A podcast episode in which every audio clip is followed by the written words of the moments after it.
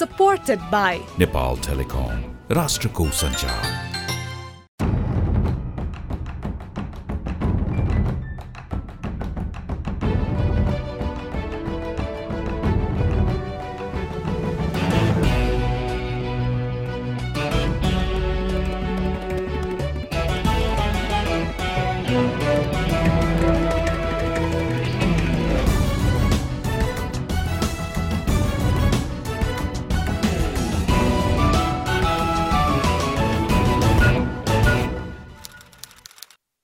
आदरणीय दर्शक तथा श्रोतावृन्द नमस्कार। कार्यक्रम टफ टकमा म दिलभूषण पाठक तपाईँ लगायत मेरा सबै सबै दर्शक तथा श्रोतालाई स्वागत गर्दछु। हिमालय टेलिभिजनमा हरेक बिहिबार राति नौ बजे प्रसारण हुने यो कार्यक्रम तपाईँ टकको आफ्नो युट्युब च्यानलमा टफ टक प्रस्तुतकर्ता इन्टरफेस नेपालको web page interface Nepal dot com र हाम्रो पात्रो एपमा हेर्न तथा आइएस चलाउने श्रोताहरूले आइट्युन्स र एन्ड्रोइड चलाउने श्रोताहरूले नेपाली पडकास्टमा पनि टफ टक सुन्न सक्नुहुनेछ। यो साता सत्तारूढ दल नेकपा र काङ्ग्रेस दुवै आफ्नो आन्तरिक बैठकमा केन्द्रित रहे। बैठकमा दुवै दलका नेताहरूले नेतृत्वमाथि कडा आलोचना गरेका छन्। एक वर्षपछि सुरु भएको नेकपाको स्थायी समितिमा पार्टीभित्र चरम रूपमा गुटबन्दी झाङ्गिएकोदेखि सरकारले काम गर्न नसकेका विषयहरूमा चर्को बहस भयो। उता काङ्ग्रेसमा भावी महाधिवेशनको विषयलाई लिएर शेरबहादुर देउबा र रामचन्द्र पौडेल बीच छिनाझम्टी पर्यो। अब लागौँ आजको विषयतर्फ। मङ्सिर चौधमा सम्पन्न बाहन्न स्थानको उपनिर्वाचनमा प्रतिनिधि सभाका लागि एउटा मात्र निर्वाचन क्षेत्र थियो नेता रविन्द्र अधिकारीको निधनपछि रिक्त स्थान कास्की दुई। त्यही क्षेत्रबाट सत्तारूढ नेकपाकी उम्मेद्वार स्वर्गीय रविन्द्र अधिकारीकी पत्नी विद्या भट्टराईले आठ हजार चार सय तिन मतको भारी अन्तरमा विजय हासिल गर्नुभयो। करिब दुई दशक अघि सक्रिय राजनीतिबाट केही अलग हुनुभएकी भट्टराई पुनः सक्रिय राजनीतिमा जोडिन आइपुग्नु भएको छ। नेता रविन्द्र अधिकारीको गत वर्ष फागुन पन्ध्रमा हेलिकप्टर दुर्घटनामा निधन भएपछि दिवंगत अधिकारीकै श्रीमतीलाई नेकपाले उपनिर्वाचनमा उम्मेद्वार बनाउने निर्णय गरेको थियो। विद्यार्थी राजनीति सँगसँगै गर्नुभएका स्वर्गीय रविन्द्र अधिकारी र उहाँकी धर्मपत्नी विद्या भट्टराई जब वैवाहिक बन्धनमा बाँधिनुभयो त्यसपछि दुवैले फरक फरक बाटो हिँड्ने निर्णय गर्नुभयो। पारिवारिक जिम्मेवारी र दुई छोराकी आमाको भूमिका निर्वाह गर्दै भट्टराई प्रधापन क्षेत्रमा सक्रिय बन्दै गर्दा नेता अधिकारी तीन पटक सांसद र एक पटक मन्त्रीसम्म बन्नुभयो। तर अहिले भट्टराई स्वर्गीय नेता अधिकारीको राजनीतिक विरासत थाम्न आफ्नो प्राज्ञिक क्षेत्रको बाटो मोडेर पुनः राजनीतिमै फर्किनु भएको छ। दुई दशकपछि प्राध्यापन क्षेत्रबाट सक्रिय राजनीतिमा फर्कँदै गर्दाको अनुभव कस्तो छ? नेपालमा महिलालाई राजनीतिमा सक्रिय हुन कति सजिलो वा गाह्रो छ? मुलुकको नीति निर्माण गर्ने स्थानमा महिलाको प्रतिनिधित्व किन आवश्यक छ? यस्तै जिज्ञासाहरूको जवाब खोज्न आज मसँग हुनुहुन्छ प्रतिनिधि सभा सांसद विद्या भट्टराई। अन्यरा सबैको राजनीति हुँदै त्रिभुवन विश्वविद्यालयको उप प्राध्यापक समेत बन्नुभएकी सांसद विद्या भट्टराईले एमफिलसम्मको अध्ययन गर्नुभएको छ। आउनुहोस् स्वागत गरौँ आजकी मेरी अतिथि प्रतिनिधि सभाकी नवनिर्वाचित सांसद विद्या भट्टराईलाई। माननज्यू टफटकमा स्वागत छ। धन्यवाद। आराम हुनुहुन्छ? तपाईँलाई धेरै धेरै बधाई पनि प्रतिनिधि सभाको सांसद भएर आउनुभएकोमा धन्यवाद आभार व्यक्त गर्छु। कस्तो महसुस भइरहेछ? अस्तिसम्म तपाईँ एउटा प्राज्ञिक एउटा एकाडेमिसियनको रूपमा युनिभर्सिटीतिर जानुहुन्थ्यो। अब त्यो बाटो सर्लक्कै घुमेर प्रतिनिधि सभाको एउटा राजनीतिक यात्रामा निस्किरहनु भएको छ। के गुज्रिरहेछ मनमा? अँ, मलाई कस्तो भइरहेछ भने अब म पहिला नागरिक समाजको सदस्य थिएँ। जति बेला म एकाडेमिक थिएँ काम गर्थेँ अब अहिले चाहिँ म लेजिस्लेटिभ भएँ विधायक भएँ। जिम्मेवारी नै फरक। भयो। अब त्यसमा म अब फरक अनुभव गरिरहेको छु किनकि हिजो म एउटा विश्वविद्यालय अन्तर्गत थिएँ विद्यार्थीहरूसँग सम्बन्धित थिएँ। अब म जनताको एउटा अभिमतबाट निर्वाचित भइसकेँ त्यही गर्दा अब म हरेक कुरा चाहिँ जनतासँग सम्बन्धित भएर काम गर्नुपर्छ भन्ने लाग्छ। फरक हुन्छ है। अस्ति नागरिक समाजमा बस्दाखेरि चाहिँ तपाईँ नागरिकका रूपमा राज्यसँग केही अपेक्षा गर्ने राज्यलाई अमला उठाउने सरकारलाई अथवा दलहरूलाई सचेत गराउने काम गरिन्थ्यो। अब चाहिँ ठ्याक्कै तपाईँले त्यो ह्याड चेन्ज गरेर त्यो पोजिसनमा जाँदै हुनुहुन्छ। हजुर। अब फेरि हाम्रो नागरिक समाज चाहिँ कति क्रिटिकल छ फेस गर्न कति गाह्रो होला होइन अब यस्तो हो क्रिटिकल हुनै पर्यो नागरिक समाज क्रिटिकल नहुँदासम्म राज्य जवाफदेही नहुन सक्छ त्यही भएर नागरिक समाजको त्यो भूमिका अनिवार्य छ र हामी कहाँ कस्तो हो भन्दा क्रिटिकल भन्दा पनि अलि अलि बढी हामी ब्लेमिङ गर्ने खालको. अलिकति दोषारोपण गर्ने. काम गर्छौँ तर दुइटै पक्ष। होला मलाई चाहिँ कस्तो लाग्छ भने तपाईँले सही भन्नुभयो नागरिक समाजमा बस्दै गर्दा हामी राज्यको अथवा ती निकायको अलिक बढी हेल्दी प्रपर कन्स्ट्रक्टिभ क्रिटिसिजम भन्दा पनि बढी ब्लेम गेम गर्छौँ। राज्यमा बस्नेहरूले पनि नागरिक समाज अलिकति क्रिटिकल भयो भने म अलिकति जवाबदेही बन्छु। म म म मेरो क्षमता अलिकति बढ्छ भन्ने चाहँदैनन्। पूर्वाग्रही रूपमा यसले बोल्यो भन्न जान्छ। त्यतातिर नजाउँ। म तपाईँ क्यारेक्टर पनि होला। हो। सोसल क्यारेक्टर पनि होला। एक्ज्याक्टली म चाहिँ राजनीतिक विषय तपाईँको अबको यो नयाँ यात्रा एउटा सांसदले निर्वाह गर्नुपर्ने भूमिकामा म क्रमैसँग आउँछु। मेरा दर्शकलाई लागिरह होला। धेरै मिडियामा नआइरहनु भएको तपाईँको सम्भवतः पहिलो दोस्रो अन्तर्वार्ता हुनसक्छ यो। म तपाईँको अतीतबाटै सुरु गर्न चाहन्छु। कहाँ जन्मनु भयो? बाल्यकाल कसरी बित्यो विद्याजी। म काठमाडौँमा जन्मेँ। दुई हजार तिस सालमा जन्मेँ म। काठमाडौँमै जन्मेँ। चाबेलमा मेरो बाल्यकाल बित्यो काठमाडौँको चाबेलमा विद्यालय कस्तो कसरी विद्यालय चाहिँ म चाबेलको पशुपति मित्र माध्यमिक विद्यालयमा आठ क्लाससम्म पढेँ। त्यसपछिको एसएलसी चाहिँ म फेरि दिल्ली बजार कन्या माविबाट गरेँ। परिवारमा को को हुनुहुन्थ्यो? राजनीतिक परिवारै थियो? परिवार चाहिँ मेरो बुवा राजनीतिक हिसाबले काम गर्नुहुन्थ्यो। पञ्चायत खालको राजनीति गर्नुहुँदो रहेछ। म चाहिँ एकदम पछि जन्मेको छोरी। मेरो परिवार दुईवटा परिवार भनेको म कान्छीतिरको। म एउटा मात्रै छोरी हो। मेरो बुवाले तिनवटा विवाह गर्नुभएको। अनि जेठो आमातिर अहिले पनि दाई हुनुहुन्छ।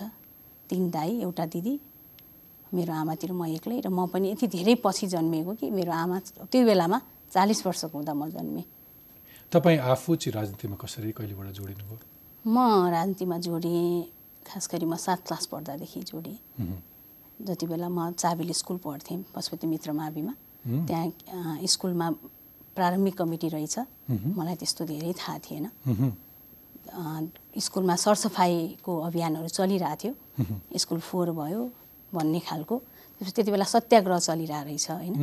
अनि त्यो बेलामा टिच शिक्षकहरू चाहिँ अब आन्दोलनमा जाने। कक्षाहरू नहुने। अनि कक्षा हुनु पर्यो भन्ने खालको माग पनि भयो। अब हामी अलिअलि पढ्न पनि पाउनु पर्यो सफा पनि हुनु पर्यो भन्ने कुराले प्रोत्साहित भयौँ। एक दिन कक्षा बहिष्कार गरौँ भन्ने भयो। म कक्षा बहिष्कार गरेर बाहिर निस्केँ। अनि राम्रो के भयो भन्दा हामी आठ दसजना थियौँ जो अब क्लासमा अलिअलि पढ्ने खालकै भन्ने मानिनेहरू थियौँ। अनि सरहरूको नोटिस भयो यिनीहरू पनि कक्षाबाट निस्किन थाल्यो भनेपछि त। अब केही सोच्नुपर्छ भन्ने भयो। स्कुल सफा बनाउने काम चाहिँ सुरु भयो। त्यो सँगसँगै अब हाम्रो अभियानहरू सुरु हुन थाले। राम्रो के थियो भने त्यति बेला तपाईँ पढ्नेहरूलाई खोजिन्थ्यो होइन? को पढ्छ? त्यसलाई नै अन्डासोमा सङ्गठित गर्ने प्रचलन थियो। अनि- जो छ अलिकति प्रगतिशील जो छ नेतृत्व त उसैलाई दिनु पर्यो। उसैलाई दिनु भन्ने हुन्थ्यो। अनि मित्र वाचनालय भनेर सुरु गरे रहेछ त्यति बेला प्रगतिशील भन्नेहरूले। अनि त्यो मित्र वाचनालयमा पाँच बजेपछि जम्मा हुने पढ्ने लेख्ने अनि साहित्यकारहरू पनि आउँथ्यो इभन खगेन्द्र दाईहरूलाई पनि मैले त्यहीँ देख्थेँ होइन? त्यस्तो खालको थियो अनि बुवा कि कान्छी कि कान्छी छोरी होइन? हजुर। बुवा कि तिनवटी श्रीमती मध्ये कान्छी कि कान्छी छोरी बुवा पञ्चायतको राजनीति गर्नुहुन्थ्यो। तपाईँ अन्यरा सबै त ठुलै आँट गर्नुभएछ त सात कक्षामा। पिटाइ खानु भएन बुवा चाहिँ साठी वर्षको हुँदा म जन्मेको। मेरो आमाको सबै बच्चा खेर गएको। होइन? म एकदम पछिल्लो अब बच्चा हुँदैन भनेपछि जन्मिएको हो त्यो हिसाबले अब म अझ मेरो आमातिर म बढी प्रिय भएँ।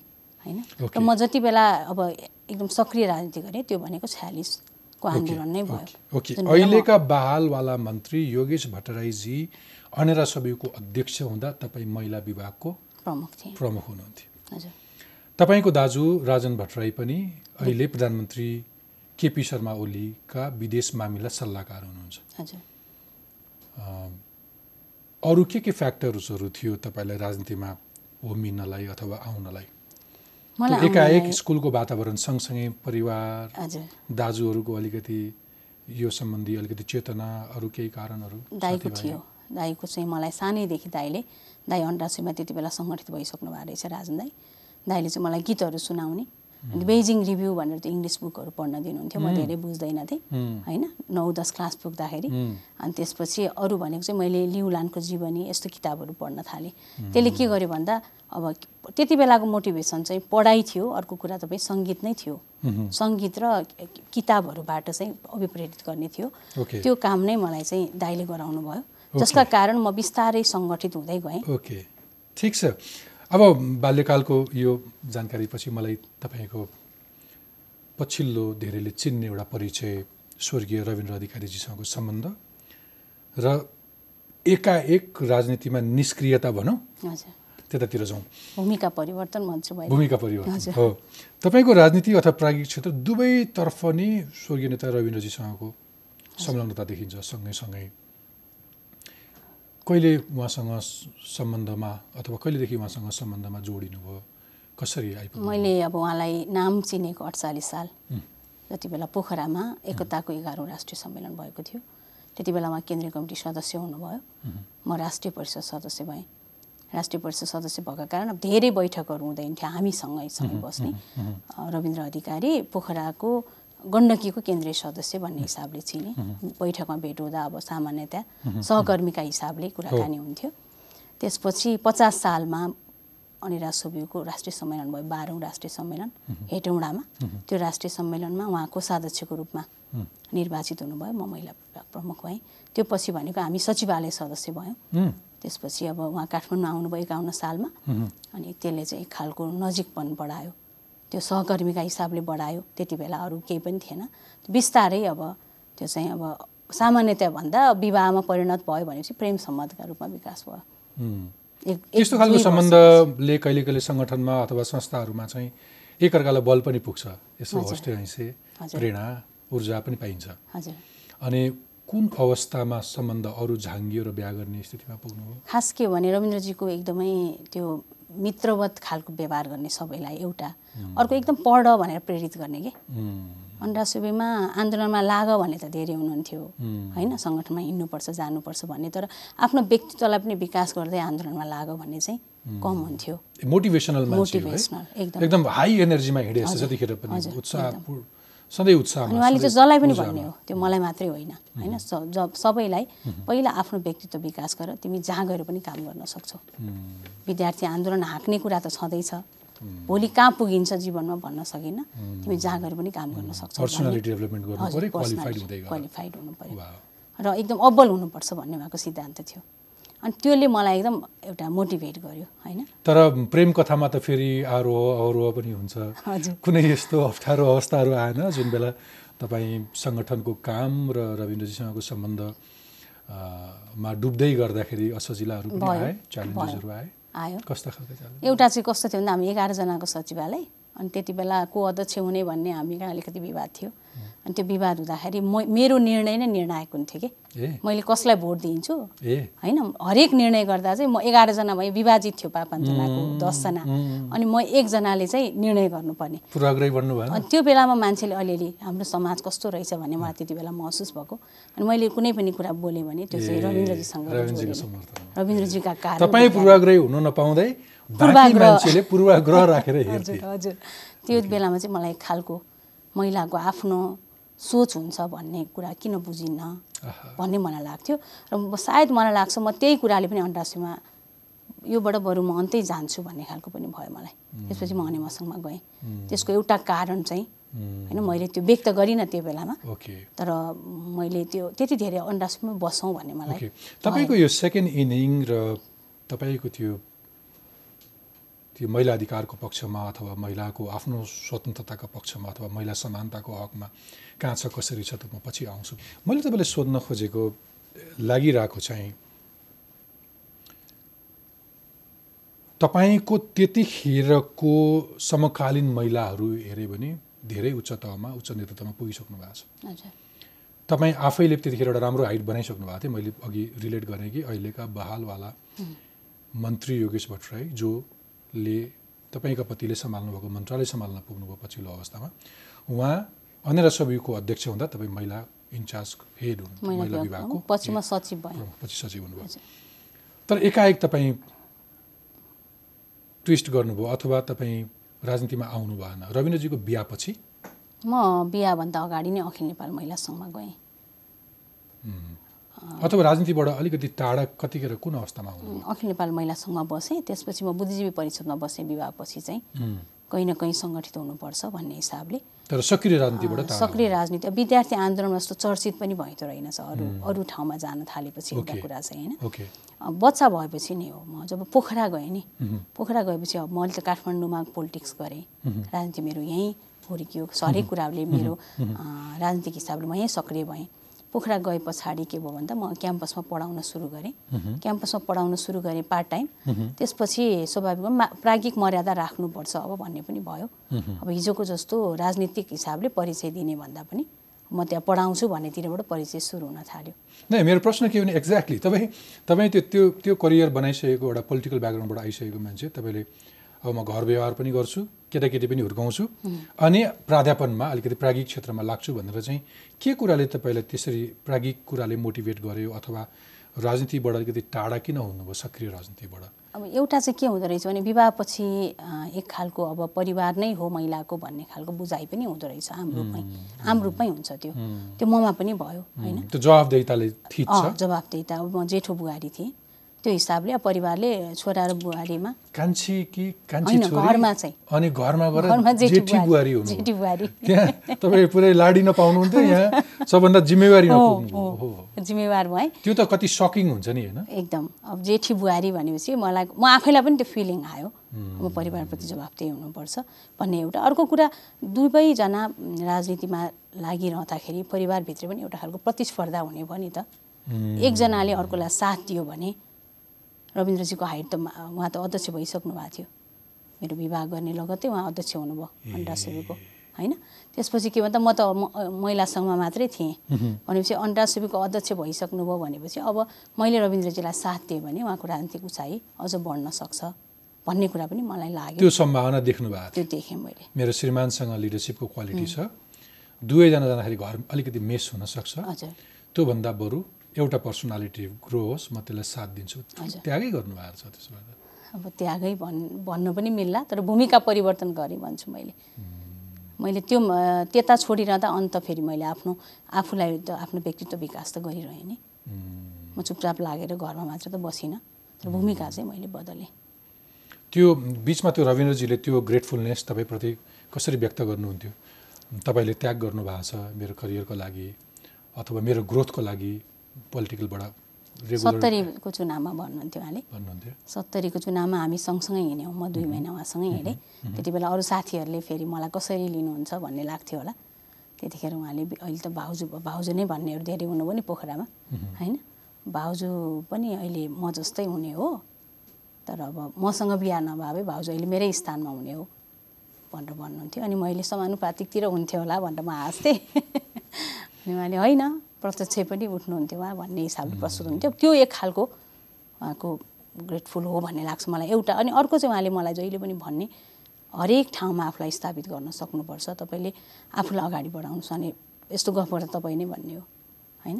कहिले पनि तिमी भन्नुहुन्थेन तँ त कहिले पनि भन्नु भएन। हामी लार्जर समाजमा चाहिँ समग्रतामा हेर्न खोज्यो भने चाहिँ धेरै त्यस्ता सफल पुरुषहरूको पछाडि त्यागी महिलाहरूको हात छ तर समाजमा ती महिलाहरूलाई हामीले कति धेरै प्रशंसा गर्न सकेका छौँ अथवा तिनलाई कति धेरै हामीले सम्मान प्रकट गर्न सकेका छौँ भन्ने चाहिँ ठुलै चुनौती होला समाजमा होइन तपाईँप्रति सम्मान जागेर आयो अब मलाई सोध्न मन लागेको चाहिँ डिस्पाइट तपाईँले त्यो त्याग गरेर प्राज्ञिक गतिविधिमा संलग्न हुँदा हुँदै पनि घर त फेरि पुरै राजनीतिक वातावरण थियो तपाईँले। आफ्ना श्रीमानको अहिलेको क्यारेक्टर देखाउनु भयो हजुर। जसलाई पनि मोटिभेट गर्ने जोसँग पनि हौसिने खुसी हुने। होइन उत्साह तरि पूर्ण तरिकाले कुरा गर्ने। भनेपछि त उनलाई त सबैले घेरिरहन्थे जतिखेर पनि त्यो राजनीतिक वातावरणमा जीवन गुजार्दै गर्दाखेरि कहीँ कुनै एउटा यस्तो मोडमा फेरि म एक्टिभ पोलिटिक्समै आउँछु होला जस्तो पनि काहीँ कुनै रूपमा थियो। कि तपाईँ टोटली युनिभर्सिटीमा इन्जोय गर्नुभएको थियो? उहाँ भइरहँदा त म युनिभर्सिटीमा इन्जोय गरिरहेको थिएँ। र मलाई कस्तो लाग्थ्यो भने म राम्रो एकाडेमिक बन्नुपर्छ भन्ने नै लाग्थ्यो। तर यस्तो एकाडेमिक कि जसले पोलिटिकल्ली राजनीतिक हिसाबले पनि चेत राखेर होइन मैले चाहिँ एउटा अघि तपाईँले भन्नुभयो जस्तो क्रिटिकल एनालिसिस गर्न सक्ने एउटा एकाडेमिक बन्छु म भन्ने नै मलाई लागेको थियो। खास त्यो मलाई स्थायी भएपछि जब मैले एमफिल सकेँ र म जब स्थायी भएँ विश्वविद्यालयमा त्यसपछि चाहिँ अब मैले मेरो आफ्नो बौद्धिक व्यक्तित्वलाई नै अगाडि बढाउँछु। र मेरो पहिचान अब विद्या भट्टराई बौद्धिक व्यक्तित्व हो भन्ने पहिचान बनाउँछु भन्ने नै थियो त्यसमा रविन्द्रजी पनि एकदम खुसी हुनुहुन्थ्यो। अब त्यो अवस्थामा एकाएक एउटा यस्तो दुःखद परिस्थिति आयो एउटा ठुलो दुर्घटना आयो परिवारमा कि तपाईँले हिँड्दै गरेको बाटोबाट सर्लक्क पछाडि फर्किएर पहिले यात्रा गरेको अथवा अब राजनीतिक बाटोमा फर्किनु पर्यो। यो बिचमा के गुज्रियो मानिन्ज्यू तपाईँको मनमा? अहिले तपाईँ शपथ गरेर आउँदै हुनुहुन्छ। प्रतिनिधि सभाको। सांसदको रूपमा शपथ ग्रहण गर्नुभयो। यो गरेको एक घन्टा नबित्दै हामी यो गर्दैछौँ। यो यो यो यात्रामा एकाएक आएको बदल कसरी लिनुभएको छ? कति सजिलो छ मानसिक रूपमा? अब यो जीवनको एउटा मोड हो भन्ने लाग्छ मलाई। म राजनीतिक यात्री त सधैँ थिएँ। तर राजनीतिक यात्री भइरहँदा पनि मैले बिचमा मेरो यात्राका केही मोडहरू बदलेको थिएँ। मसँग चेत थियो। यात्राको एउटा सक्रिय यात्री म थिइनँ त्यति बेला। जब यो घटना घट्यो त्यसपछि के भयो भन्दा अब अब चाहिँ राजनीतिमा आउनुपर्छ भन्ने खालको एउटा माग पनि सुरु भयो। र मैले धेरै सोचेँ म राजनीतिक यात्रालाई मा फेरि आउँ कि वा म चाहिँ सक्रिय यात्रा भनौँ न। आखिर राजनीतिबाट त म कहिले पनि टाढिनँ। पारिवारिक हिसाबमा होइन राजनीतिक वातावरण नै थियो। मसँग राजनीतिक चेत थियो। मेरो हिजोको राजनीतिक भूमिका थियो सबै कुरा थियो तर पनि मैले आजको म जुन पदमा छु यो खालको पदमा म आउँछु कि आउँदिनँ भन्ने कुरा चाहिँ मलाई केही समय लाग्यो। केही समय लागेकै हो मलाई त्यो सोच्नका लागि। अब रविन्द्रजितको त्यसमा मैले पार्टीको भूमिका खोजेँ। पार्टीले मलाई कसरी हेर्नुहुन्छ? हजुर। पार्टीले मलाई कसरी जिम्मेवारी दिनुहुन्छ? ठिक छ पार्टीले मलाई आइज भन्दाखेरि म जानुपर्छ भन्ने मलाई पछाडि लाग्यो। परिवारको पनि दबाब थियो? दबाब त होइन परिवारले अब मैले जे निर्णय गर्छु त्यसमा साथ थियो। यो निर्णयमा। आग्रह थियो। मेरो नै मेरो निर्णयमै उहाँहरूले जे गर्छौ तिम्रै निर्णय हो भन्ने नै थियो। त्यस्तो यही गर भन्ने परिवारको दबाब थिएन। कुन परिस्थितिमा निर्णय गर्नुभयो कि मलाई रविन्द्रजीकै विरासत थाम्नुपर्छ? अथवा म यो युनिभर्सिटीको ढोका केही समयलाई बन्द गर्छु र म पार्लियामेन्टकै बाटो हिँड्छु अथवा पोलिटिसियन नै हुन्छु भनेर कुन क्षणमा कुन कुन अरू कुराहरूले तपाईँलाई बढी मोटिभेट गर्यो? तपाईँले शर्त त लगाउनु भयो होला पार्टीलाई? शर्तै कस्तो स्पेस पाउँछु?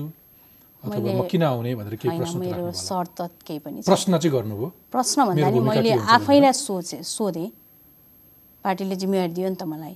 पार्टीले त सिफारिस गर्यो नि त। होइन जिल्ला कमिटीले तपाईँ सिफारिस गरिसके पछाडि। मेरो मात्रै नाम एकल नाम सिफारिस गरेपछि त अनि ममा क्वेसन प्रश्न त आउने भयो नि त म के गरौँ भन्ने खालको। अब मे- कुराकानी त चलिरहेको थियो तपाईँ आउनुपर्छ भन्ने। ठुलो पङ्क्ति थियो पार्टी पङ्क्ति पनि थियो। शोकमा रहिरहँदाखेरि हजुर शोकमा रहिरहँदा पनि थियो र त्यो तपाईँ आम रूपमै थियो। तपाईँ आउनुपर्छ तपाईँले काम गर्नुपर्छ तपाईँको हिजो पृष्ठभूमि राजनीति नै हो सक्रिय राजनीति नै हो तपाईँको रविन्द्र रविन्द्रजी र तपाईँको सम्बन्ध पनि राजनीतिले जोड्या हो। र तपाईँले रविन्द्रजीका लागि आफूले भूमिका परिवर्तन गर्नुभयो भने चाहिँ अब राजनीति किन नगर्ने भन्ने ठुलो प्रश्न थियो। र त्यति बेला मैले के भनेको थिएँ भने म अहिले प्राध्यापन पेसामा छु। अब म केही समय मलाई सोच्न दिनुहोस्। म यो अहिले यस्तो अवस्थामा छु जुन बेला मैले केही जीवनका बारेमा सोच्नै सकेको छैन। केही समय म सोध्छु। त्यसपछि पार्टीले जे निर्णय गर्छ त्यसलाई म मान्छु भनेको थिएँ मैले। र जिल्ला कमिटीले जब एकल सिफारिस गरिसके पछाडि के भयो भने मैले सोचेँ। त्यो सिफारिस भयो। नेताहरूले कन्भिन्स गर्न प्रयत्न गरे। को कसले भेटे? के के भने? होइन नेताहरूसँग त्यतिखेर केही भेट भएन। जिल्ला कमिटीले सिफारिस गर्यो। त्यसपछि म आफैले ठिक छ अब म जान्छु भनेपछि मात्रै अनि नेताहरूसँग भेट भयो। त्यतिखेर को कोसँग भेट भयो? उहाँहरूले कसरी कन्भिन्स गर्नुभयो? तपाईँ आउनु होइन केन्द्रका नेताहरूसँग भेट भयो। जिल्लाकोहरूसँग पनि कुराकानी भयो।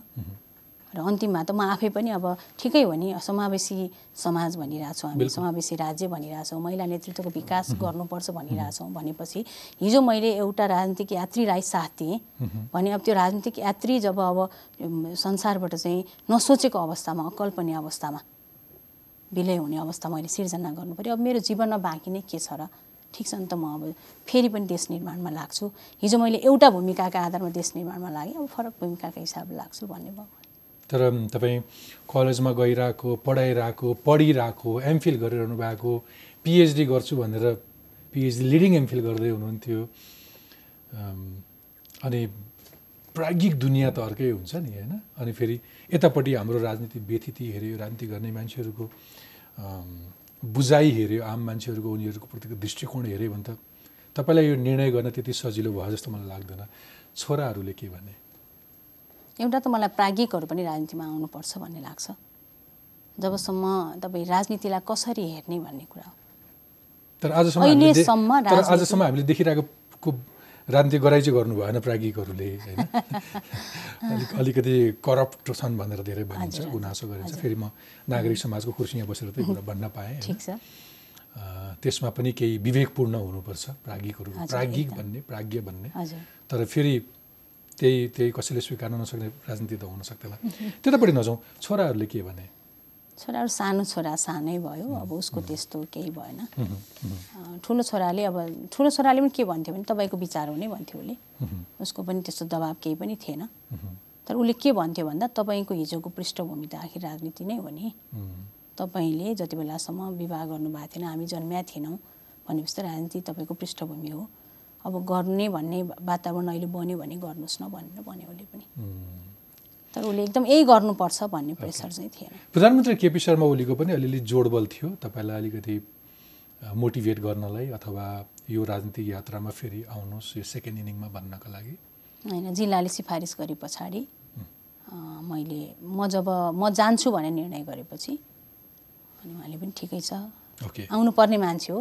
ठिकै छ भन्ने थियो। ए अब अलिकति चुनावमा आउँदै गर्दाखेरि चाहिँ एउटा एकाडेमिसियन घरको घरेलु वातावरण युनिभर्सिटीको एउटा एटलिस्ट एकाडेमिक वातावरणमा बसिरहेको मान्छे एक्कासी चुनावमा होमिँदाखेरि कस्तो महसुस भयो कस्ता प्रश्नहरू आए हाम्रा त चुनाव भनेका फेरि त्यति हेल्दी त्यति क्रिएटिभ त्यति कन्स्ट्रक्टिभ अलिक हुँदैन अलिकति फोरी राजनीति हुन्छ पनि भन्छन्। त्यस्तो सुन्नु नपर्ने कुराहरू पनि सुनियो देख्नु नपर्ने कुराहरू पनि देखियो चुनावमा? अब एउटा त म तपाईँ म एकाडेमिक भए पनि मेरो परिस्थिति एकाडेमिक थिएन नि त होइन? यो आज मैले जे बेहोरेँ अरे यो त मैले रविन्द्रजी चौसठी सालदेखि चुनाव लड्नुभयो। त्यो बेलादेखि नै मैले बेहोरिरहेकै कुरा हो। र मलाई के थाहा थियो भने मैले पनि यस्तै खालको प्रश्नहरू अब बेहोर्नुपर्छ भन्ने कुरामा म पहिल्यै त्यो चाहिँ त्यो चेतका आधारमै गएको थिएँ।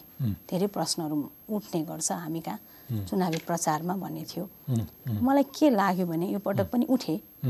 प्रश्नहरू उठाइयो होइन? अब जुन प्रश्नहरू मलाई लाग्छ नउठ नउठे पनि हुने प्रश्नहरू हामी उठाउँदा रहेछौँ निर्वाचनमा। त्यो पनि आरोपका नाममा ल्याइने प्रश्नहरू होइन? त्यसरी आउँदो रहेछन्। अब त्यो पहिला पनि आउँथे। अब आज यो पटक मैले पनि बेहोरेँ। तर मलाई मैले ती प्रश्नहरूलाई खास उत्तर दिनुपर्छ भन्ने मलाई लागेन। तर केही प्रश्न गम्भीर थिए जस्तो एउटा प्रश्न। एउटा महिलाले अवसर पाउनका लागि अथवा एउटा महिला मूलधारमा आउनको लागि श्रीमानकै निधन निधन हुनुपर्छ। अहिलेको संविधानले ग्यारेन्टी गर्छ नि त होइन? भन्ने प्रश्नलाई चाहिँ कसरी लिनुहुन्छ? अब यस्तो हो यो यो प्रश्न चाहिँ आफैमा फेरि नाजायज मैले भन्दिनँ। प्रश्न नाजायज एउटा गम्भीर। प्रश्न हो नि। परिस्थिति तपाईँलाई पर्यो। हजुर। त्यो अवस्था थियो होला। तर आम मान्छेले टिप्पणी गर्नलाई पाउने विषय के हो भने तपाईँ जतिको एउटा सक्षम महिलालाई राजनीतिमा आउनको लागि श्रीमानकै रिक्त स्थानमा आउँदाखेरि मात्रै एक्सेप्ट गर्ने नभए अरू बाटाहरू कति अनुकूल छन् एउटा महिलालाई यो यात्रामा भन्ने प्रश्न त जायजै थियो जस्तो लाग्छ जायज हो तर मलाई लाग्ने चाहिँ के हो भने यसमा जस्तो एउटा एउ- एउटै परिवारमा दुईजना मान्छेले राजनीतिक अवसर पाउने हुन्थ्यो नि त। हिजो मैले निरन्तर राजनीति गरेको भए फेरि त्यो पनि हुन सक्थ्यो नि त। होइन प्रश्न आफै मैले नाजाज होइन भनिसकेँ। तर त्यसमा कतिपय लजिकल पनि फेरि छ कहाँनिर भन्दाखेरि। दुइटै राजनीतिमा भइरहँदाखेरि दुवैले राजनीतिक अवसर पाउने हुन्थ्यो। आज के भयो भन्दा एउटा हिजो म पनि राजनीतिको एउटा यात्री नै थिएँ। होइन राजनीतिमा मैले मेरो ठुलो योगदान थियो। बिचमा मैले त्यो राजनीतिक योगदानका आधारमा कुनै पनि अवसर लिइनँ। मैले आफ्नो व्यक्तित्व विकास गरेर मात्रै अवसरहरू लिएँ राज्यको भन्दा पनि मैले समाजका अवसरहरू लिएँ भन्छु मैले। रविन्द्रजीले राज्यको अवसरहरू लिनुभयो हिजोको अवस्थामा। र आज के भयो भन्दा अब रविन्द्रजी रहनु भएन। जसका लागि मैले हिजो साथ दिएको थिएँ। मैले मेरा धेरै राजनीतिक यात्राहरू चाहिँ रविन्द्रजीकै लागि साथ दिए हो नि त। नभए त म हिजो पनि आउन सक्थेँ नि। भनेपछि आज तपाईँ समाजले पार्टीले अब के ठान्यो भन्दा विद्याको हिजोको त्यो राजनीतिक पृष्ठभूमि विद्याको त्यो राजनीतिक यात्रालाई देखेको जसले देख्नुभयो उहाँहरूले चाहिँ अब फेरि तपाईँ चाहिँ आउनु हुँदाखेरि तपाईँको त्यो हिजोको पृष्ठभूमि पनि जोडिन्छ। रविन्द्रजी माथिको एउटा जुन सम्मान हो रविन्द्रजीको योगदानमाथिको सम्मान पनि हुन्छ तपाईँको योगदानमाथिको कदर पनि हुन्छ भन्ने जुन एउटा चाहिँ तर्क दिनुभयो त्यो मलाई पनि के लाग्यो भन्दा त्यो प्रश्न गर्नै नपाउने भएन। पुरुष भयो मात्रै हो त बाधक महिलाका लागि भन्ने कुरा पनि आउन सक्छ होइन? तर मलाई लाग्ने के भन्दा मेरो हिजोको जीवन त सुरु फेरि राजनीतिबाटै भएको थियो नि त। भनेपछि मैले त्यसलाई बिचमा के गरेँ? आफ्नो भूमिका थोरै परिवर्तन गरेँ। अब आज मसँग त्यो व्यक्तित्व बन्या छ जुन व्यक्तित्वले म राजनीतिलाई हाँक्न सक्छु भन्ने मलाई लाग्यो र म आएँ। अलिकति रविनजीको चुनावमा तपाईँको चुनावमा चाहिँ रविन्द्रजी मन्त्री हुँदाखेरि वाइट बडी विमान खरिदमा उहाँको संलग्नताको जुन विषय उठाइयो र त्यो पनि जोडेर तपाईँको चुनावलाई अलिकति प्रभाव पार्न खोजियो। त्यो त्यो त्यो मुद्दा कस्तो थियो? के थियो? त्यसमा पहिला? उठिरहेको जस्तै थियो। मैले त्यसमा धेरै उत्तर दिइनँ त्यसमा पार्टीले नै पार्टीका नेताहरू नै बोल्नुभयो। मैले व्यक्तिगत रूपमा उत्तर दिन किन चाहिनँ भने त्यो प्रश्न मैले धेरै अन्तर्वार्ताहरूमा भनेको छु। अगाडि यी प्रश्नहरू मलाई निर्वाचन अगाडि गरिएका धेरै अन्तर्वार्ताहरूमा सोध्नु भएको थियो खास गरी मिडियाको साथीहरूले। एउटा त रविन्द्रजीले आफूले भनिरहनु भएको छ म चाहिँ निर्दोष छु भनेर त्यति बेला नै होइन? त्यसपछि रविन्द्रजीको अवसान पछाडि प्रधानमन्त्रीले पनि उहाँ निर्दोष हो भनेर पटक पटक भन्नुभएको छ। अर्को कुरा भनेको हामीसँग भएका धेरै प्रमाणहरूले रविन्द्रजीको दोष छैन भन्ने कुरा देखाइरहेछन्। नयाँ पत्रिकाले उन्तिसवटा बैठकको त्यो माइनोट सहित दिएको थियो। कहीँनिर पनि रविन्द्रजी त्यसमा संलग्न हुनुहुन्न। मात्र यति हो अन्तिम किस्ता नबुझाएको भए जहाज आउँदैन थियो र त्यो जहाज आउनका लागि रविन्द्रजीले न भर्बल निर्देशन दिनुभयो न चाहिँ तपाईँ लिखित कहीँ निर्देशन दिनुभयो। तर त्यसमा उहाँले केही पनि बोल्नु भएन। अनि त्यो कुरालाई चाहिँ के भन्यो भन्दा पछाडि रविन्द्र अधिकारीको बेलामा जहाज आयो। त्यहाँ अनियमितता थियो उसले केही पनि गरेन भन्ने हिसाबले मात्रै प्रश्न उठाएको थियो। तर त्यो कुरालाई के गर्यो भन्दा संसदीय समितिको बैठकले फेरि आरोपित गर्यो। र उहाँले त्यो मे- निर्दोष छु भन्ने कुरा बारम्बार भनिरहेको कुरालाई न कुनै होइन छानबिन गर्ने त्यसलाई खोजी गर्ने काम पनि गरिएन। तर प्रधानमन्त्रीले स्पष्टै भन्नुभयो नि त एउटा तपाईँ जस्तो संसदीय समितिले तयारी गरेको प्रतिवेदनलाई लेजिस्लेटिभले तयारी गरेको प्रतिवेदनलाई कार्यपालिकाले उल्टाउनु भने पनि त इतिहासमा त। त्यो एउटा पक्ष हो तर अब प्रधानमन्त्री अथवा कुन नेताले कस्तो अवस्थामा के सोचेर भनिरहेछन् भन्नेले पनि अर्थ राख्छ होला अथवा भन्न खोजेको चाहिँ के भने तपाईँले त्यतिखेर चुनावमा चाहिँ उहाँ दोषी हुनुहुन्छ भने कारवाही गरोस् भनेर मैले चाहिँ। के भनेको म थिएँ भने म कारवाहीको भागीदार हुन। तयार छु तर धेरैको कुनै प्रमाण भेटिन्छ भने धेरैको आरोप चाहिँ के छ भने रविन्द्रजीको व्यक्तित्व अथवा उहाँको त्यो छविलाई मिसयुज गरियो यिनी स्वच्छ छवि छन् यी राम्रा मान्छे छन् भन्ने हिसाबले उनलाई देखाएर त्यहाँबाट मतलब पछाडि अरू राजनीतिक लाभ लिन चाहनेहरू अरू लाभ लिनेहरूले उनलाई मिसयुज गरे र हुँदा हुँदा पछिल्लो दुर्घटना को अवस्थासम्म पनि उनी मिसयुज थिए भन्ने प्रशस्त टिका टिप्पणीहरू पनि भए। त्यो चाहिँ कसरी हेर्नु भएको छ? अब यो कस्तो भन्दा म त्यस्तो कुनै हाउभाउ घरमा काहीँ त्यस्तो देख्नु भएको? त्यस्तो मैले देखिनँ? त्यस्तो चाहिँ देखिनँ। किन? एकचोटि मैले कुरा गरेको थिएँ यो यसरी यति प्रश्नहरू उठाएँ। यो किन भन्दाखेरि उहाँले चाहिँ के भन्नुहुन्थ्यो भन्दा अब मेरो एउटा तपाईँले भने जस्तै मेरो राजनीतिक उचाइ माथि गइरहेछ त्यो हिसाबले तिन तिन पटक जितिसकेँ राजनीतिक उचाइ धेरै माथि गइसक्यो। अब यहाँ अनेक खालका खेलहरू हुन्छन्। अब त्यसैको पनि एउटा असर होला। मेरो कुनै पनि दोष छैन। मैले कहीँनिर पनि कमी गरेको छैन। प्रधानमन्त्रीसँग नजिक भएर यो सरकारको माथिल्लो तहमा बसेर लाभ लिन खोज्ने मान्छेहरू धेरै छन्। तिनले प्रधानमन्त्रीलाई पनि मिसयुज गरेका छन्। प्रधानमन्त्रीलाई मिसयुज गर्दा गर्दै रविन्द्रजीलाई पनि मिसयुज गरेका छन् भन्ने प्रशस्त टिप्पणीहरू पछिल्लो पटक थियो। मैले तपाईँलाई सोध्न खोजेँ कि अब तपाईँले म रविन्द्रजीको सपना साकार पार्छु म रविन्द्रजीको विरासतलाई थाम्छु भनेर आउँदै गर्दाखेरि र पोखराबाट जितेर आइसकेपछि अब कास्कीका जनतालाई के भनेर आउनु भएको छ?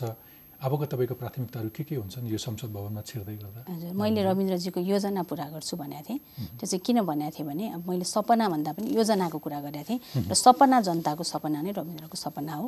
त्यो हिसाबले मैले रविन्द्रको सपना पनि भनेको थिएँ। मैले के भन्न खोजेको थिएँ भने यो चौहत्तर सालको आम निर्वाचन पाँच वर्षका लागि भएको थियो र दुई वर्षमा यो उपनिर्वाचन हुँदै थियो दुई वर्षपछि। र त्यो दुई वर्षपछिको उपनिर्वाचन उहाँहरूले निर्वाचित गरेको जनप्रतिनिधिको अकल्पनीय अवस्थामा भएको मृत्युका कारण भएको उपनिर्वाचन थियो। तिन वर्ष बाँकी थियो। त्यसले गर्दा तिन वर्ष बाँकी रहनु भनेको उहाँले बना बनाएकै योजनाहरू पुरा गर्नका लागि भएको निर्वाचन हो। त्यसकारण म त्यो योजना पुरा गर्नका लागि आएको हो भनेको थिएँ मैले। मैले चाहिँ तपाईँ अब के गर्छु भनिरहँदाखेरि मेरो दुईवटा काम नै प्रमुख रूपमा हुन्छ।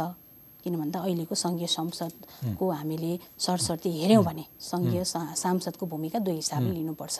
एउटा भनेको मेरो काम नीति निर्माण गर्नु नै हो। दोस्रो भनेको मैले जुन विकास बजेट पाउँछु त्यो विकास बजेटलाई कार्यान्वयन गर्नु हो। त्यसले गर्दा एक एकातिर मैले विकास निर्माणमा पनि आफूलाई लगाउनुपर्छ। केही हदसम्म किनभने अहिलेको त्यो एउटा भूमिका हामीलाई दिएछ राज्यले। अर्को भनेको नीति निर्माण गर्ने काम नै हो। त्यो दुईवटा कामलाई म आफू उत्तरदायी हिसाबले गर्छु भनेर नै म छु अघिल्लो पटक यही कुर्सीमा बसेर लामो समय यो इतिहासमा संसदमा सांसद भइरहनु भएका मान्छे र नेपालको संसदीय इतिहास अध्ययन गरिरहेका विभिन्न मान्छेहरूले विभिन्न समयमा यो कुर्सीमा बसेर के भने भने हाम्रो संसद संसद जस्तो भएन हाम्रा सांसद सांसद जस्तो भएनन्। अत्यन्तै करप्ट भए अत्यन्तै भ्रष्ट भए। अब त अहिलेको अवस्था यस्तो पनि छ कि फुल दुई तिहाईको बहुमत भएको सरकारले संसद आफ्नो नियन्त्रणमा राखेका छ। संसदहरू बोल्न सक्ने अवस्था छैन अथवा संसद सांसदहरू संसदमा क्रिएटिभ हुन सक्ने अवस्था छैन भन्ने टिप्पणी पनि छ। यो यो अवस्था कसरी बुझ्नु भएको छ? मलाई के लाग्छ अथवा पार्टीको एउटा डोमिनेसन हुन्छ नि जहिले पनि सांसदहरूमा। त्यो अवस्थामा कसरी काम गर्न सकिएला? एउटा प्राज्ञिक पृष्ठभूमिबाट आएकोले पनि आफ्नो केही पोजिसन्सहरू कसरी बनाउनुहुन्छ? अब यस्तो हो एउटा त मैले इस्युहरूलाई रेज गर्ने हो मेरो काम भनेको होइन? इस्युलाई रेज गर्दा एउटा राष्ट्रिय सवालहरू के हुन सक्छन्? राष्ट्रिय मुद्दाहरू के हुन सक्छन् भन्ने कुरा रह्यो अर्को मेरो क्षेत्रगत सवालहरू पनि हुन्छन्। म चाहिँ कास्की क्षेत्र नम्बर दुईको प्रतिनिधि भएका हिसाबले क्षेत्रगत सवालहरू जुन चाहिँ जन जनताले दिनदिनै भोगिरहेका समस्याहरूलाई पनि मैले उठाउन सक्ने भएँ। त्यसले गर्दा मलाई के लाग्छ भने मेरो आफ्नो अब्जर्भेसनहरूका आधारमा मैले इस्युलाई उठाउनुपर्छ भन्ने मलाई लाग्छ। अब त्यसमा मलाई त्यस्तो पार्टीगत दबाब आउँछ होइन त्यस्तो धेरै दबाबहरू आउँछ भन्ने मलाई लाग्दैन। हामीले त्यो इस्युलाई खोज्न सकेर समयलाई हामीले प्राप्त गर्ने समय तर। यस्तो छ नि हेर्न न व्यवहारिक रूपमा भन्ने हो भने जस्तो महिलाकै मुद्दामा जाउँ तपाईँले अघि महिलाको विषय उठाउनु भएको थियो। राजनीतिमा महिलाको उपस्थिति बढेको छ। हामी महिलाको उपस्थिति बढाउनुपर्छ भनेर हरेक दिन कराइरहेछौँ अहिले समानुपातिक समावेशिताको सिद्धान्त लागू भएको मुलुक हरेक पटक नीति निर्माणमा महिलाहरू हुनुपर्छ हुनुपर्छ भनेर भन्छौँ। तर तपाईँको पार्टी नेकपाभित्र पार्टीले निर्णय गर्ने पार्टीको सचिवालयमा एकजना पनि महिला हुनुहुन्न सबै पुरुष। कसरी चल्छ भन्नुहोस् त। तपाईँले सोचेको तपाईँले बुझेको सिद्धान्तले काम गर्छ। अब यी विषयहरू अझै हामीले उठाउन सक्नुपर्छ। हाम्रो भूमिका अझै अनिवार्य छन्। हामी चुपचाप भयौँ भने विषयहरू अझ नउठ्न सक्छन्। तपाईँले चाहिँ अझ दाबी सत के भन्न पाउने हुनुभयो नि। मेरो नाम किन सिफारिस गरियो? अथवा मलाई यो संसदसम्म किन ल्याइयो? अर्को पुरुष ल्याएको भए हुन्थ्यो त्यसो भए। होइन भने मैले जुन मुद्दा उठाइरहेको छु यसप्रति पार्टीको ध्यान आकर्षण हुनु पऱ्यो तिमीले रेस्पोन्ड गर्नु पऱ्यो भने तपाईँले भन्न सक्ने आधार भयो नि त। हामीले ध्यान आकर्षण गराउनुपर्छ हाम्रो भूमिका महिलाहरूको एकताबद्ध स्वरहरू उठ्न सक्नु पर्यो। जसले गर्दाखेरि के हुन्छ भन्दा पार्टीले स्वाभाविक रूपमा बिस्तारै ती निर्णयहरू गर्दै जान्छ। र अहिले पनि के देखिन्छ भन्दा बाध्यात्मक अवस्था बाहेक महिलालाई महिलालाई छुट्टै हाम्रोमा लैङ्गिक हुन्छ नि दृष्टिकोण त्यो दृष्टिकोणको विकास अझै भइसकेका छैन। त्यो लैङ्गिक दृष्टिकोण विकास गर्नका लागि केही समय लाग्छ भन्ने मलाई लाग्छ। त्यसमा हामी हाम्रो पहल कदमी अझै आवश्यक छ। चुनावमा मत माग्न जाँदाखेरि जनताहरूले के भने उनीहरूले यो सरकारसँग जुन अपेक्षा गरेका थिए गरेका थिए त्यो अपेक्षाहरू पुरा भएको थियो। मेरो अपेक्षा पुरा भएको छैन। सरकार एक सुरले हिँडिरहेछ भन्ने पनि टिप्पणी छ नि म दुई नम्बर क्षेत्रमा अब अलिक विशेष परिस्थितिबाट निर्वाचनमा गएँ। अब त्यो विशेष परिस्थितिबाट भएको निर्वाचन र रविन्द्रजी प्रतिको जनताको जुन एउटा सम्बन्ध थियो नि त्यो सम्बन्धले सरकारप्रति धेरै प्रश्नहरू आएन। तर केही प्रश्नहरू जनताले गर्नुभएको छ। एउटा के छ भने अब विकास निर्माणका कुराहरू चाहिँ समयमा सकिँदैनन्। होइन काम सुरु हुन्छ र समयमा सम्पन्न हुँदैनन्। जस्तो बा अहिले तपाईँ हाम्रो त्यहाँ चारवटा ओडाहरू महानगरपालिकामा पछिल्लो समयमा समावेश भए। त्यो चारवटा ओडामा अहिले पनि बाटो उहाँहरूको प्राथमिकताको पहिलो सूचीमै छ बाटो निर्माणको कुरा। बाटो बनिरहेछन् त्यो कुराप्रति उहाँहरू उत्साहित हुनुहुन्छ। त्यो क्षेत्रमा झन् बाटो निर्माणको काम अत्यन्त अगाडि बढिरहेछ। तर उहाँहरूको भनाइ के छ भन्दा तपाईँको कार्यकालमा अहिले निर्माण भएका बाटोहरू स्तर उन्नति गर्नुहोस् र हामी सहज ढङ्गले यात्रा गर्ने अवस्था चाहिँ बनाइदिनुहोस्। जुन काम रविन्द्रजीले प्रारम्भ गर्नुभयो अब तपाईँले सम्पन्न गर्नुहोस् भन्ने एउटा शुभेच्छा मलाई उहाँले दिनुभएको छ। पहिलो कुरा। दोस्रो कुरा चाहिँ मैले के देखेँ भन्दा तपाईँ एकदम तपाईँले उठाउनु भए जस्तै सञ्चार क्षेत्रले उठाए जस्तै आम जनताको पनि एउटा अपेक्षा चाहिँ हामीप्रति के हुँदो रहेछ भन्दा निर्वाचित प्रतिनिधिहरूप्रति हाम्रा मुद्दाहरूसँग उनीहरू कति सरोकार राख्छन् र उनीहरू कति उत्तरदायी हुन्छन् होइन? अनि मलाई भन्ने चाहिँ तपाईँ चाहिँ उत्तरदायी बन्नुहोस्। र उहाँले रविन्द्रजीलाई चाहिँ एउटा रोल मोडलै मान्नु भएको रहेछ होइन? रविन्द्रजी जस्तै हुनुहोस् भन्ने चाहिँ धेरै त्यहाँ चाहिँ मलाई शुभेच्छाहरू आएको थियो। होइन? अब त्यसकै कारण होला सायद तिन तिन पटकसम्म निर्वाचन जित्नु भनेको चान्चो नै कुरा त थिएन नि त। चाहिँ उहाँले त्यो कुरा नै अपेक्षा मसँग पनि राख्नु भएको छ। तपाईँ पढे लेखेको पनि हुनुहुन्छ। तपाईँ रविन्द्रजीको अझ मलाई तपाईँ म धर्मपत्नी पनि भएँ साथी पनि भएँ तपाईँ सहयात्री हुनुभयो। तपाईँ हिजो रविन्द्रजीको राजनीतिक कामलाई अगाडि बढाउने कुरामा तपाईँको भूमिका पनि छ। तपाईँका साथ सहयोग पनि छ तपाईँका विचारहरूलाई पनि उहाँले सुन्ने गर्नुहुन्थ्यो पक्कै। त्यो भएर तपाईँलाई धेरै कुरा थाहा छ। त्यस कारण तपाईँ पनि अब त्यस्तै हुनुहोस् भन्ने शुभेच्छा पनि छ। तर मैले त्यहाँ जनतालाई भेट्दा एउटा कुरा के पाएँ भन्दा जनताप्रति उत्तरदायी चाहिँ खास गरी अझ स्थानीय तहकासँग उहाँहरूको अलिकति बढी गुनासो। हाम्रो यही ठाउँका मान्छे होइन? हामीसँग चाहिँ अहिले राजा जस्तो व्यवहार गर्छन् भन्ने खालका प्रश्नहरू पनि उठ्ने।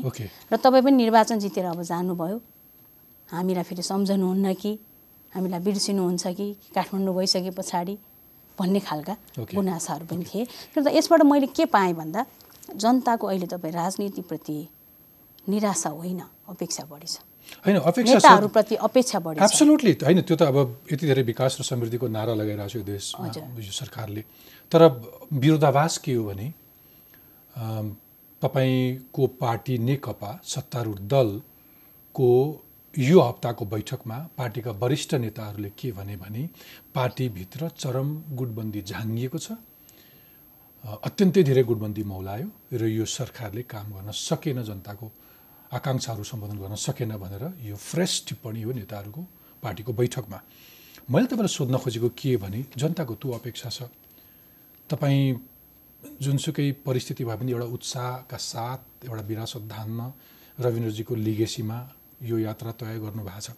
अब त्यो पार्टीभित्रको त्यो चरम गुटबन्दी अथवा चाकडी चाप्लुसी त चिर्नलाई त्यो अर्को ठुलो पहाड बाँकी छ नि उक्लिन होइन त्यहाँभित्र कामलाई महत्त्व दिने मुद्दालाई महत्त्व दिने धेरै साथीहरू हुनुहुन्छ। कामलाई महत्त्व दिने मुद्दालाई महत्त्व दिनेहरूसँगै म एकताबद्ध भएर अगाडि बढ्छु।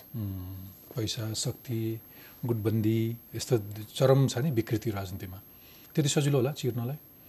अब यस्तो हो तपाईँ राजनीतिभित्रका हरेक क्षेत्रभित्र राम्रा पक्ष पनि छन् नराम्रा पक्ष पनि छन्। राजनीति सार्वजनिक जीवनसँग जोडिएको। कारण सार्वजनिक जीवनसँग जोडिएका कारण यसमा भएका व्यथितिहरू विकृतिहरू हामी सबैले देख्न सक्ने भयो होइन?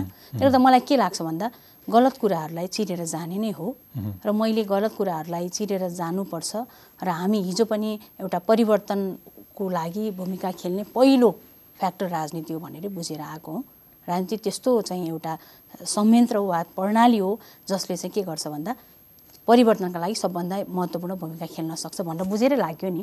भनेपछि अब पनि के हो भन्दा व्यथितिहरूका विरुद्ध जुझ्नुपर्छ। आज भनिरहनु भएको छ त प्रधानमन्त्रीले म भ्रष्टाचार आफू पनि गर्दिनँ अरूलाई पनि गर्न दिन्न। भनिरहनु भएको छ नि त। भनेपछि त्यो विचारलाई हामी सबैले समेलेर लग्यौँ भने सायद होइन मैले यो यो व्यथिति चाहिँ किन देखाएको भने युजली म पोजिटिभ नोटमै एन्ड गर्छु। र म पोजिटिभ नोटमा कहाँनिर पुग्दैछु भने तपाईँ त अलिकति युवा पुस्तालाई पनि प्रतिनिधित्व गर्नुहुन्छ महिलालाई प्रतिनिधित्व गर्नुहुन्छ त्यो हिसाबले चाहिँ त्यसमाथि पनि तपाईँ एउटा राम्रो शैक्षिक पृष्ठभूमिबाट र राजनीतिक परिवारबाट आएको हिसाबले तपाईँसँग हामी केही अपेक्षा त गर्न सक्छौँ। त्यही अपेक्षाका। कारणले। मानिसहरूले अपेक्षा राखेका हुन सक्छन् त्यसमा तपाईँको प्रतिबद्धता के छ राजनीतिमा इमान्दारिता राजनीतिमा अरू बढी प्रतिबद्धता। हजुर। मेरो चाहिँ सबैभन्दा पहिला म के भन्छु भने म सरल जीवन जिउनुपर्छ भन्ने नै हो। मैले रविन्द्रजी राजकीय हिसाबले जिम्मेवारी लिँदा लिइरहनु हुँदा मैले कहिले आफूलाई रविन्द्रजीको श्रीमती भनेर परिचय पनि गराइनँ। मैले कहीँ सायद तपाईँलाई कहीँ भेट्दाखेरि रविन्द्रजीले मेरो साथी भनेर चिनाउनु भएको थियो होला। होइन? जुन रूपमा जसरी तपाईँ युनिभर्सिटी जानुहुन्थ्यो आउनुहुन्थ्यो त्यही पारा थियो त्यही पारा थियो मन्त्रिणी अथवा मन्त्राणी भएर कहिले न कहीँ त्यसरी एक्ट गर्नुभयो? म जम्मा दुईवटा कार्यक्रममा सहभागी भएँ होला सायद मन्त्राणी भएर। यो कार्यकालमा? उहाँको त्यत्रो कार्यकालमा। त्यो पनि मलाई स्पेसली इन्भाइट गरेको थियो त्यस कारण म गएँ। प्रसङ्ग आइहाल्यो। अब अन्तिम प्रश्न अनि बिट मार्छु तपाईँलाई जाँदा केही सोध्ने त मौका दिन्छु। तर कुनै बेलाको सक्रिय एउटा जुझारु एउटा महिला नेत्री फर्केर फेरि रान्तिमा आउनुभयो सम्भावना त हेर्ने हो। धेरै मान्छेले चाहिँ अझ लम्बा रेस छ तपाईँको भोलिको सम्भावित मन्त्री भनेर पनि भनिरहेछन्। आफूलाई पनि मनमा त्यस्तो केही जिम्मेवारी आइपर्ला जस्तो लागेको छ? मलाई चाहिँ के लाग्छ भने त मान्छे कर्मशील हुनुपर्छ काम गर्नुपर्छ कामबाटै जिम्मेवारी आउँछ। मैले त्यति धेरै आकाङ्क्षा बोक्दिनँ अब त्यो मेरो कमजोरी हो वा मेरो स्ट्रेन्थ हो म बुझ्दिनँ। तर मैले आजसम्म के भन्दा म काम गर्नुपर्छ भन्ने कुराप्रति अत्यन्त प्रतिबद्ध छु। अहिले पनि म जिम्मेवार भएर यो तिन वर्षको मेरो कार्यकाल पुरा गर्छु। जनतालाई मैले जे वचनबद्धता दिएको छु मेरो भूमिकाका आधारमा मैले आज पाएको दायित्वको आधारमा त्यसलाई पुरा गर्छु। अब यही ठाउँमा पुग्दा मात्रै पुरा हुन्छ भन्ने कुरा चाहिँ मलाई लाग्दैन। हुन्छ माननीयज्यू तपाईँको महत्त्वपूर्ण समय र विचारका लागि। धन्यवाद। Thank you